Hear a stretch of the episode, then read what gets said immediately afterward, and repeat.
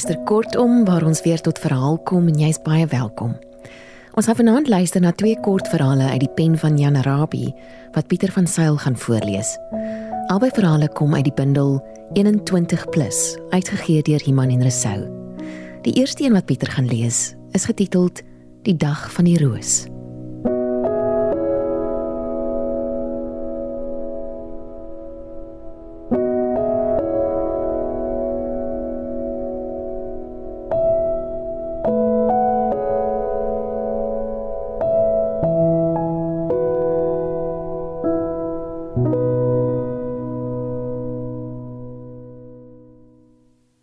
Was in die somervakansie aan die strand. En altyd daarna in die ruis van die see. Die duine het nog sinkplaas skaduwees gewerp toe al jong voete daaroor spoor na die rustelose grens van die see wat dieper in groot en blou en stil soos die hemel lyk. Die jong klomp het uitgelaat het 'n keer gegaan op die sand. Net sy tong was bot en beangs in sy mond. Altyd bly sy by ander. Het hy met woede by die skuite in die meeu se gier en maal gestaan en dink. En toe onmiddellik daarna met so 'n verligting dat sy hart woes begin hamer het. Maar toe 'n seun 'n koraaltakkie op die blink nat sand voor die eerste branders vind en dit na haar bring en haar daarmee terg sodat sy dit wil neem, kon hy dit nie langer aansien nie. Verbitterd het hy weg van daar al langs die strand begin loop.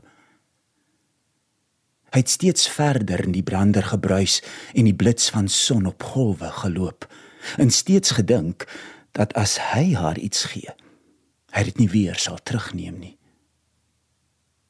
Laatmiddag eers het hy oor die verblindende duine teruggekeer. Dit was roerloos warm in die stofstraatjie tussen krom melkhoute en rooikraansbosse.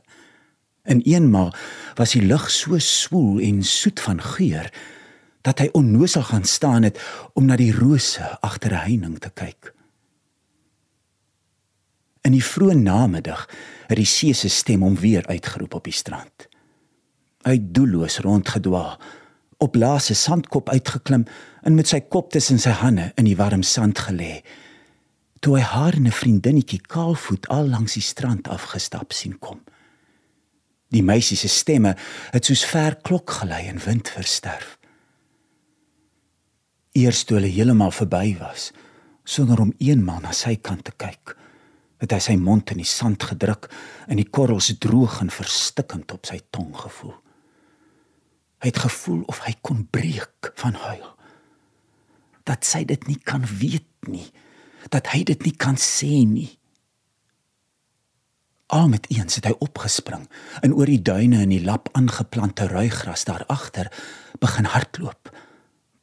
Daar was niemand in die lang doodwit gang van die straatjie toe hy deur die draad klim in een van die donkerste rooies blik nie.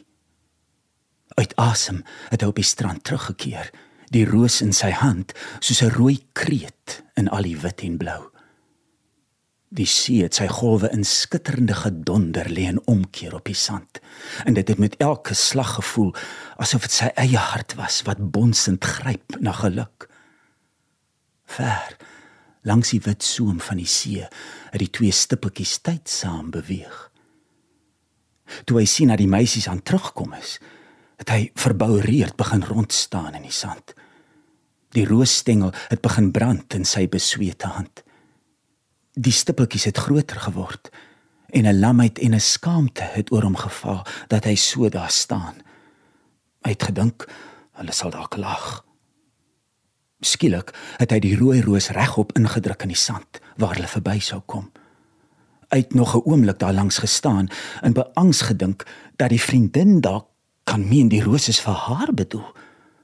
Hastig het hy weer gebuk en vir Alta in groot lomp sandletters langs die roos geskrywe en weggespring daarvandaan en gemaak asof hy skulpe soek in die voorste branders. Hy het flarde van al hoë sopraanstemme soos hulle liedjie loop en sing bo die branders gehoor. Dit het hom benoud laat dink aan vlug, maar tog in 'n soet verskrikte bedwelming terughou. Terwyl hy sy broekspype oprol, het hy weg van die land in die see ingewaad. Die twee meisies het singend met hul arms om mekaar geslaan op die rooi kolletjie in die wit sand afgekom. By die roos het hulle opgehou met sing en gaan staan. Eers het haar maat daar langs neergebuk en toe sy. Toe hy weer durf kyk, het hy gesien hoe hulle nou albei in sy rigting kyk en hoe haar hare skielik soos 'n seemeeu val langs haar gesig toe sy weer buig oor die roos. Hy het blindelings nog dieper ingeloop.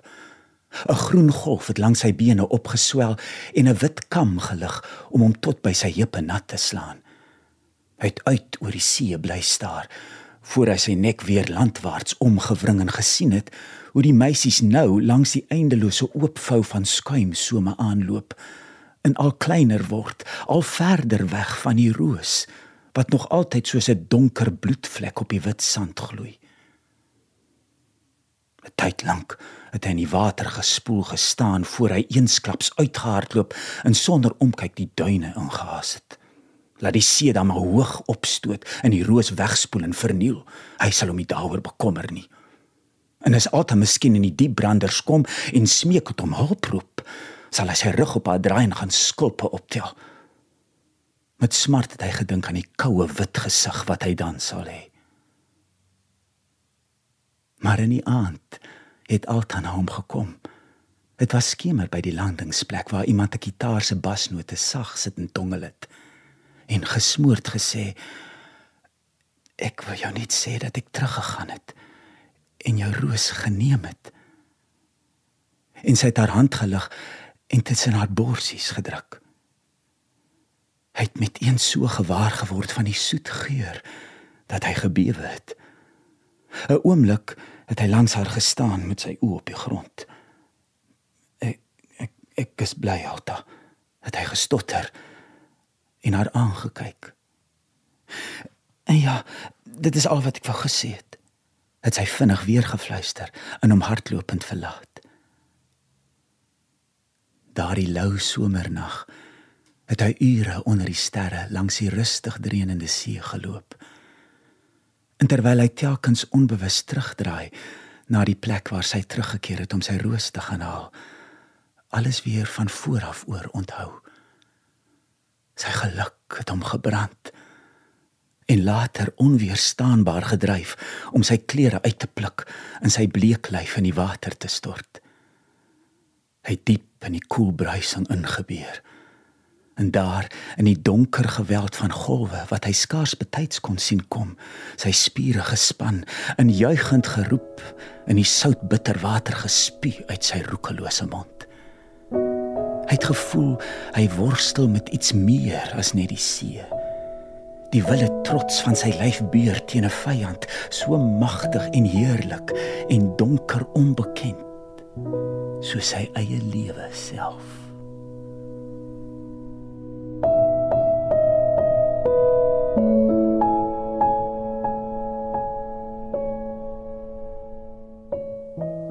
Dit was dan die dag van die roos deur Jan Rabie, voorgeles deur Pieter van Sail. Die volgende verhaal noem Jan Rabie Lied oor niemandsland.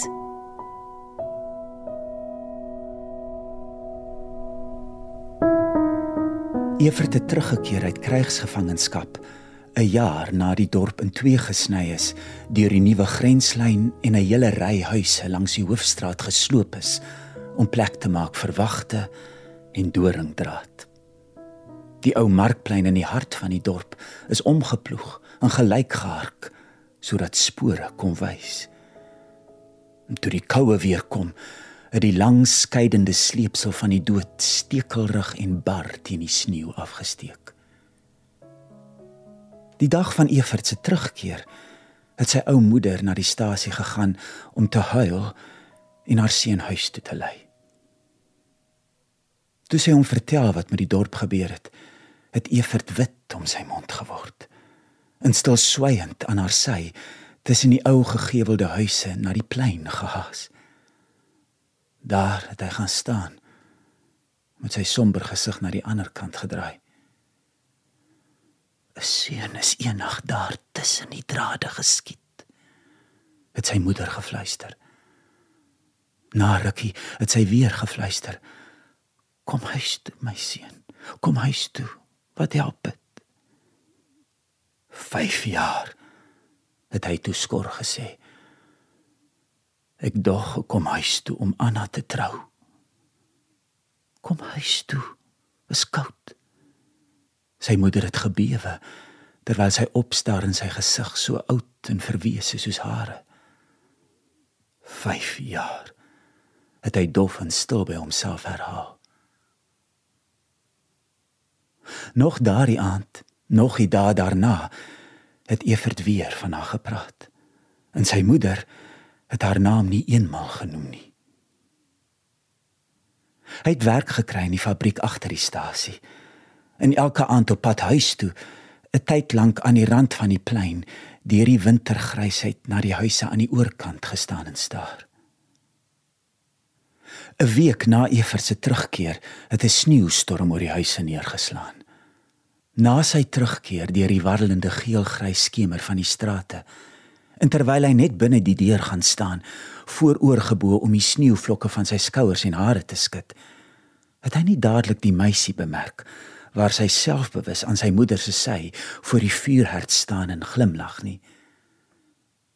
Toe hy nader kom, het sy moeder gesê: "Evert, jy hoef nie jou jeug weg te smyt nie. Ek het hoor sê Anna is verloof aan 'n ander man." Hy het hulle aangekyk.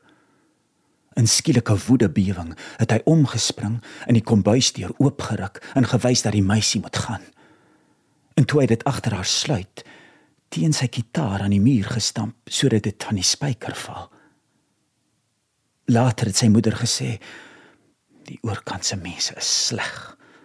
Hulle gooi klippe oor na ons en hulle vloek ons met nuwe name wat hulle aan die ander kant geleer het." Julle begin hulle nou al haat. Het haar seun in 'n dowwe, bitter stem gesê.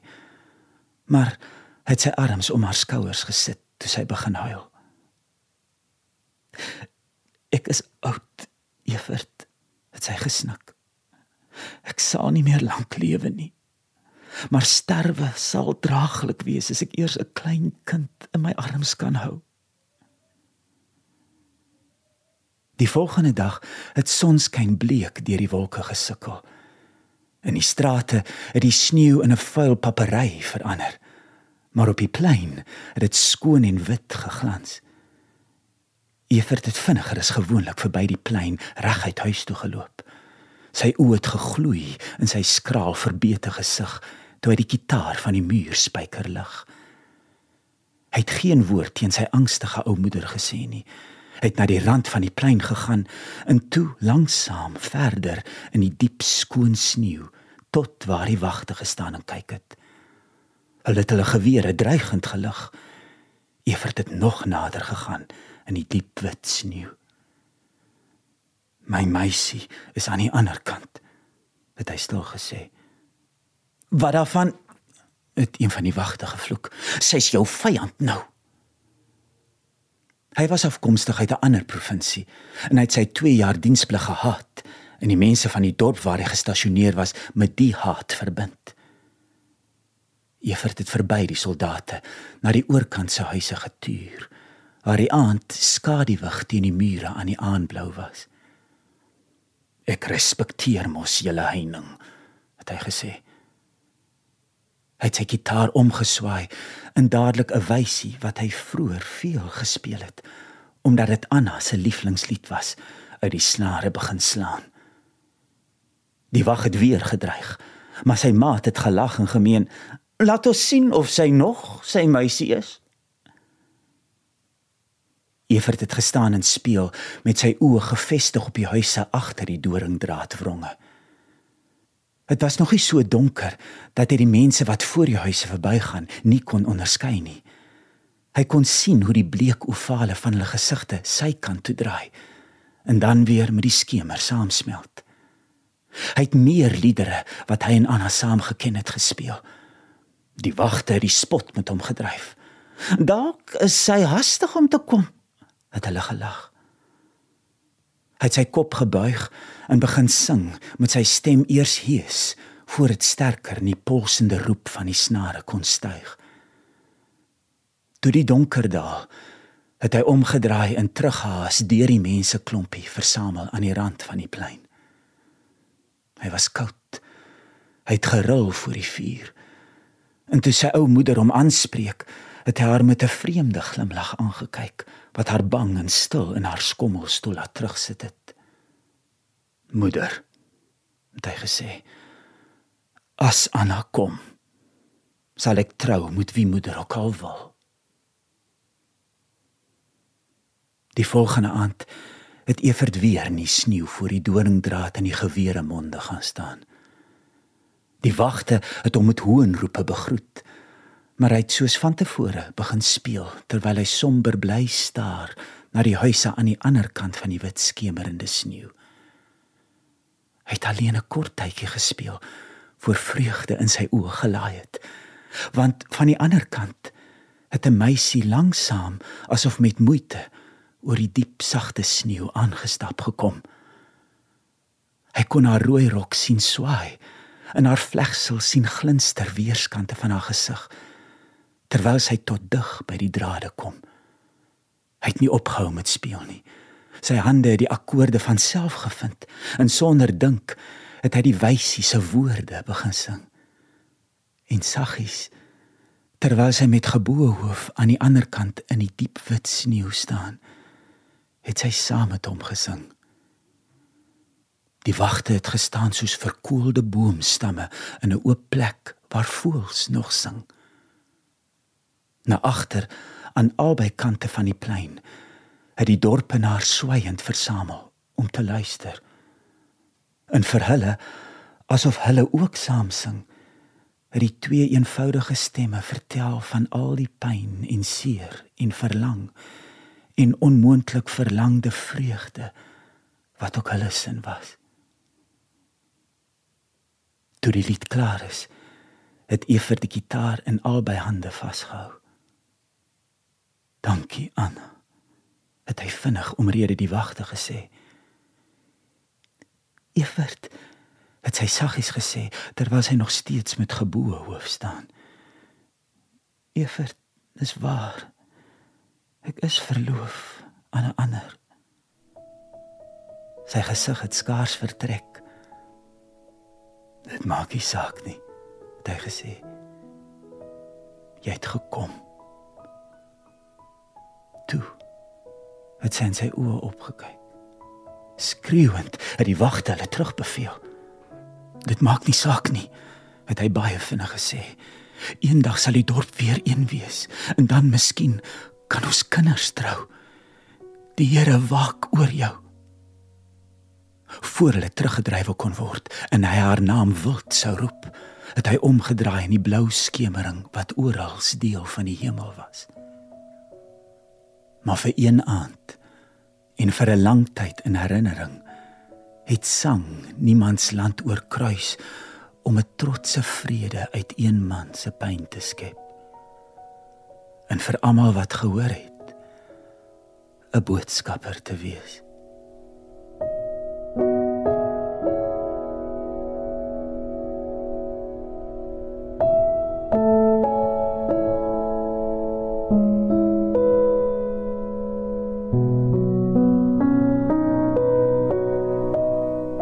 Dit was Lied oor Niemandsland deur Jan Rabie. Pieter van Sail het dit voorgeles. 'n Mooi aand vir jou. Tot volgende keer.